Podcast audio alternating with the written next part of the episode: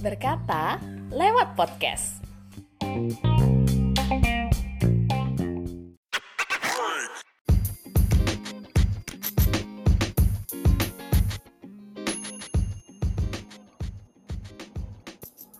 olahraga berenang pada bayi. Apa yang ada dalam pikiran kita ketika kita ingin mengenalkan air pada anak tercinta? Pasti banyak sekali rasa cemas, rasa ingin tahu. Nah, kebetulan sekali sudah hadir berkata podcast seorang guru olahraga yang cantik yang di tengah kesibukannya mau berkenan untuk ngobrol bareng di berkata lewat podcast.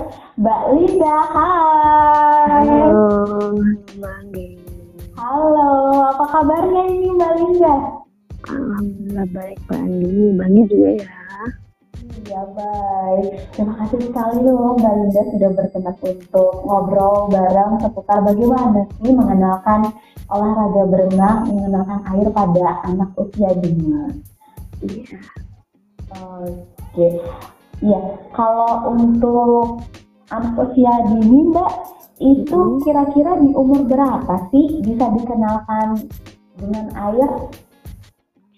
sebelumnya eh, untuk anak usia dini itu 6 bulan atau di saat eh, dia responnya sudah baik misalkan bayi itu sudah bisa duduk atau bayi itu sudah bisa tengkurap itu sudah bisa sih sebetulnya mbak untuk diajarkan berenang dulu berarti kayak baby spa itu yang Mbak ya, yang pakai pelampung gitu.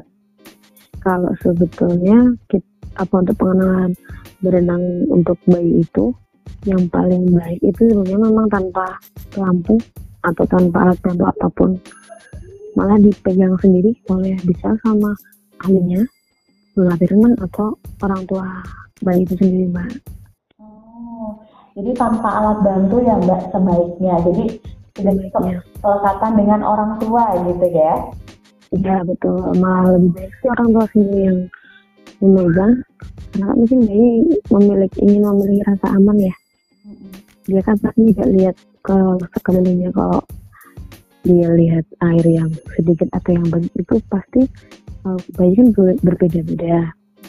Dia melihat uh, kondisi air dalam jumlah banyak itu pasti akan merasa ketakutan atau merasa ada hal yang aneh.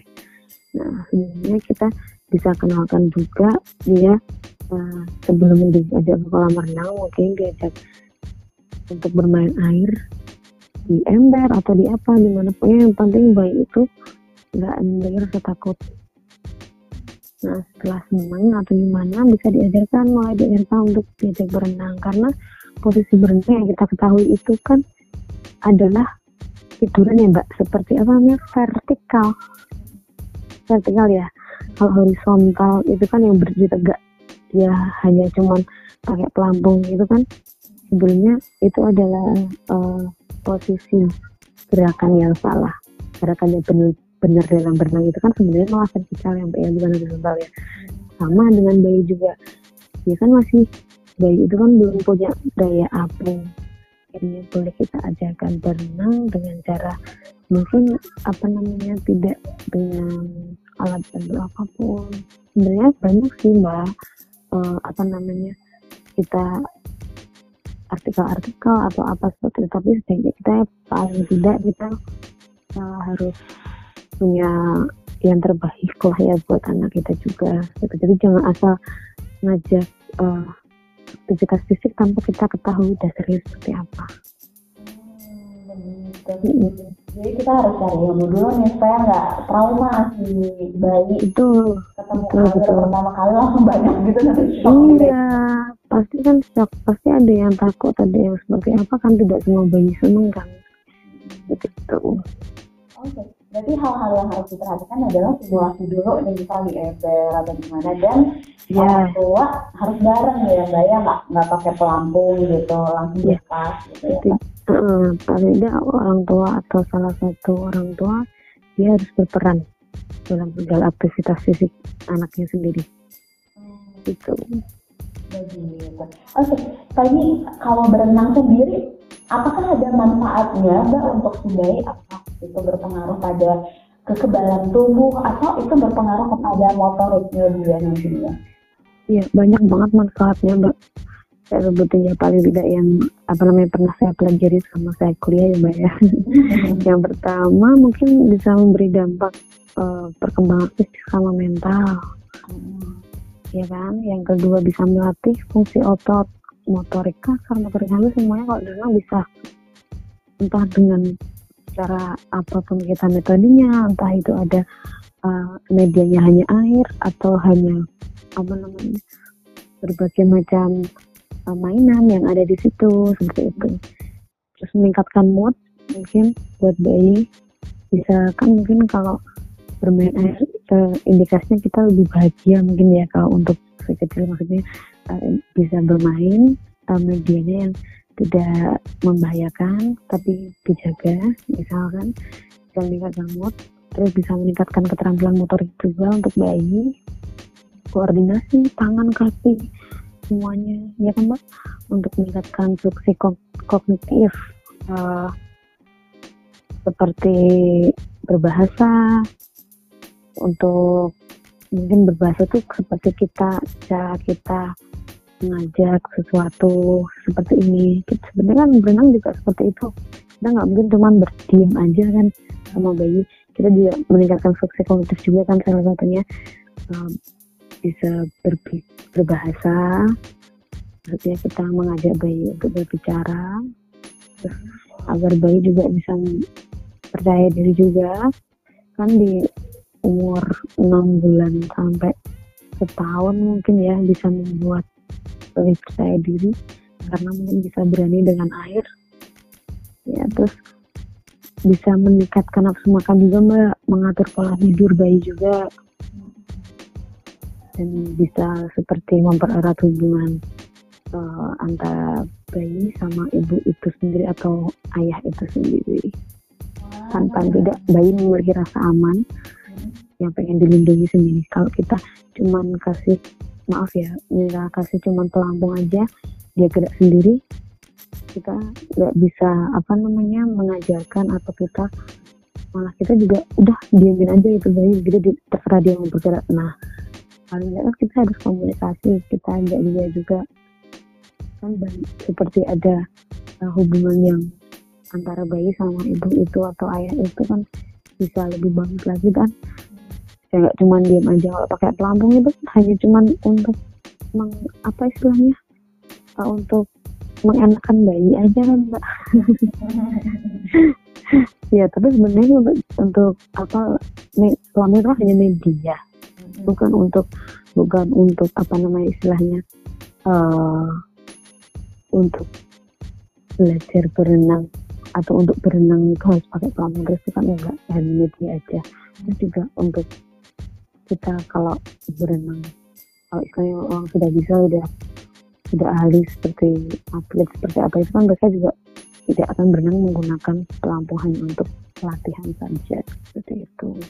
Hmm, begitu ya mbak. Jadi pelampung itu opsional ya mbak ya. Yang penting nih orang iya. tuanya yeah. mentalnya dikuatin dulu nih, jangan sampai yeah. orang tuanya belum siap mental udah ngajak anaknya berenang kan iya. banyak yang begitu ya kadang-kadang iya ini aja terjadi sama anak saya sendiri pada kalau dilihat saya aja uh, mungkin mantan atlet renang ya mbak ya terakhir yeah. saya masih masih setelah lahiran itu saya masih uh, apa namanya ikut pertandingan kalau air mm-hmm. terakhir juga kemarin Desember ini anak saya pun saya sendiri saya ajakin berenang dia nggak mau nangis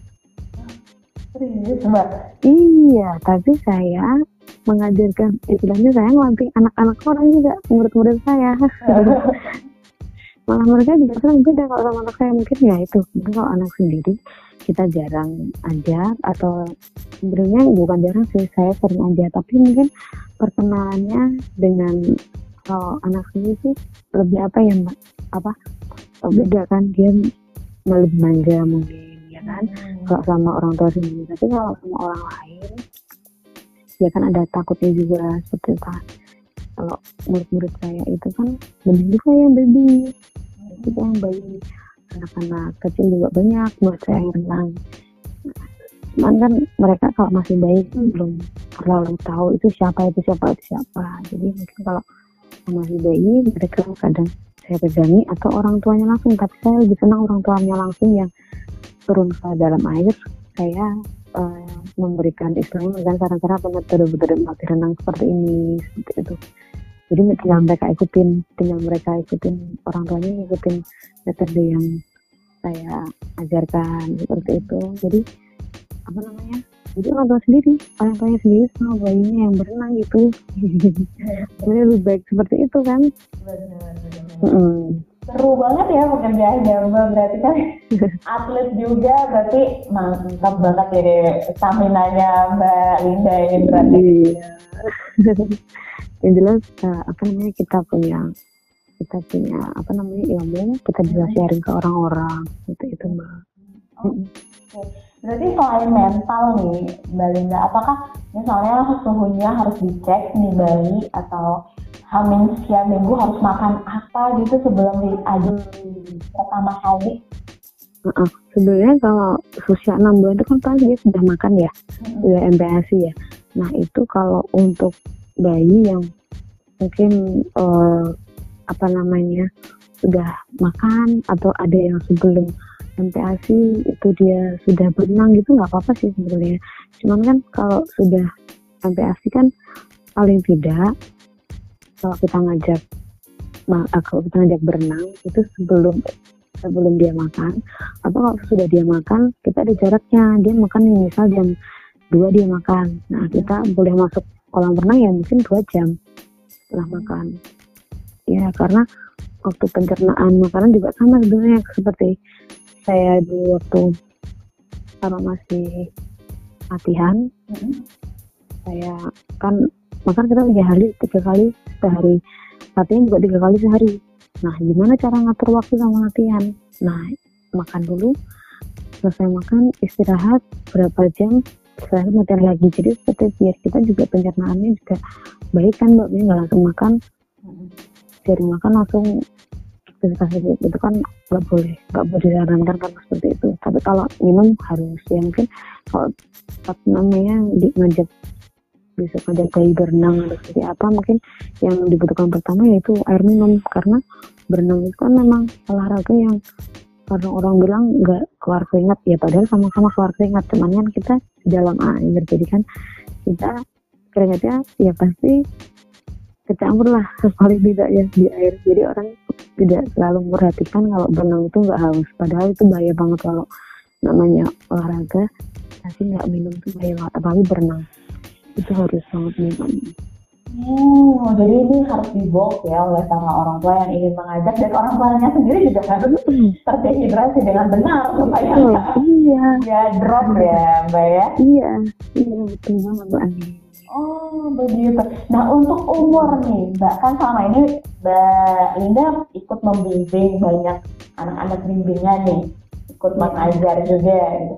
Nah, usia berapa sih Mbak yang paling mudah untuk diajarkan berenang? Sebenarnya yang paling mudah itu sudah umur tiga tahun. Itu sudah uh, sudah apa namanya tiga tahun itu kan uh, sudah pasti kalau buat saya karena banyak yang di bawah dua tahun mereka masih takut. Mereka mungkin masih apa namanya uh, untuk untuk berenang sendiri ya mungkin masih untuk nyelam atau apa kan itu tergantung dari orang tua yang maksudnya. Anak itu sendiri enggak yang maksudnya anak. Itu kan beda-beda ada yang kena air rambut mukanya itu yang seneng tapi ada juga yang enggak terus kan itu tergantung anak itu sendiri. Tapi kalau yang pas banget udah mulai itu umur 3 tahun. Itu sudah bisa diajarkan berbagai macam uh, gaya dalam berenang. Jadi apa namanya sudah biasa diajak komunikasi juga. Kan kalau masih mungkin setahun dua tahun itu kan masih belum bisa dikasih tahu kalau anak dia tapi hmm. apa namanya kalau udah di atas tiga tahun kan dia sudah tumbuh rasa uh, apa namanya dengar apa ya kayak dengerin yang ngikutin seperti itu kan dia udah bisa dikasih tahu lah kalau udah umur tiga tahun. Tapi kalau di bawah itu ya kita cuma bersunia swimming swimming buat happy happy aja. Belum ke ranah yang latihan. Kalau latihan di atas tiga tahun empat tahun itu udah. Oh begitu ya mbak ya. Oh, sangat bermanfaat banget ini ilmu ya untuk menambah terutama untuk ibu-ibu kan supaya iya. menambah aktivitas anak ya. Iya benar. Kan misal apa namanya susah tidur. Nah apalagi buat pernafasan ini bagus banget bagus banget mbak. Karena eh, selain untuk terapi sebenarnya renang itu adalah terapi segala penyakit kalau saya bilang. Dari yang pernafasan syaraf semua pasti kalau ada yang periksa ke dokter terapinya pasti berenang kalau ada hubungannya dengan nafas sama syaraf. Seperti itu. Karena di renang itu kan volume airnya kan lebih besar. Jadi kan kita untuk menggerakkan sesuatu kan lebih enteng. Jadi sangat bagus kalau untuk latihan. Pernah nih soalnya murid saya itu eh, apa namanya yang seperti seperti asma tapi udah ini mbak udah parah banget itu. Penyakit apa ya itu saya lupa pokoknya udah nggak asma lagi gitu. Ya jadi setiap bulannya itu dia udah masuk rumah sakit pasti opnam. Sama saya berenang tiga bulan seminggu tiga kali aja. Lama-lama dia dari nggak bisa namanya berenang sampai bisa berenang beberapa gaya setelah itu sampai yang orang tuanya nangis juga sama saya nggak percaya mbak ini kok secara nggak langsung nggak sadar saya tiga bulannya nah saya nggak pernah ya mbak namanya sama sekali kamu lagi. Bronkitis ya kalau nggak salah ya mbak? Oh iya iya bronkitis apa apa iya ya? Ah, bronkitis bulan apa yang udah akut nah itu bronkitis yang itu masih kecil mbak masih SD kelas tiga. Udah kena bronkitis akut mbak. Udah oh, dokter dan lain-lain tuh udah angkat tangan semua. Terus saya bilang nggak apa-apa ini kita apa namanya eh, istiqomah aja mudah-mudahan nggak ada yang nggak mungkin di dunia ini. Sembuh mbak ternyata.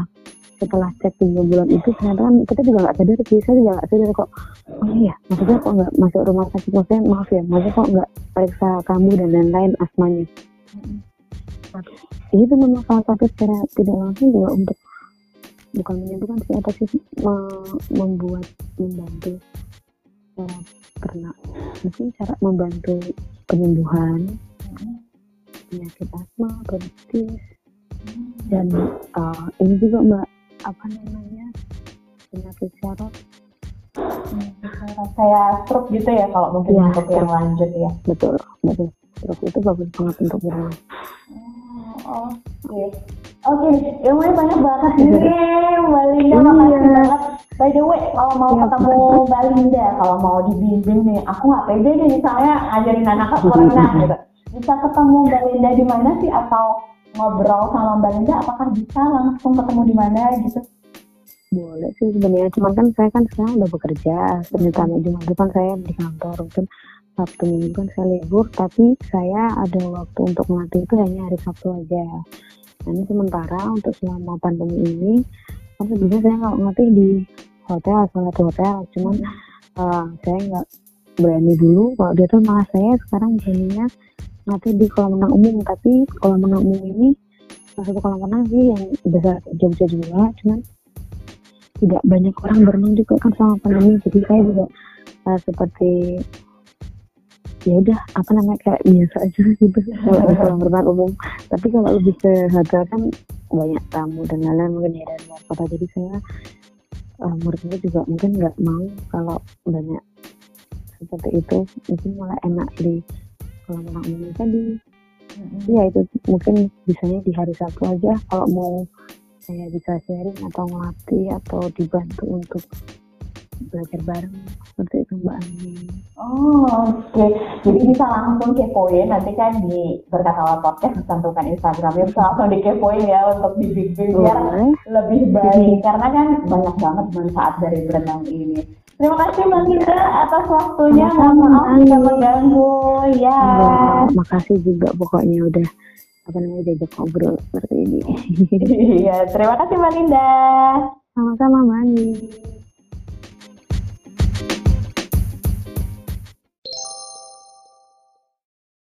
Terima kasih karena sudah mendengarkan berkata lewat podcast.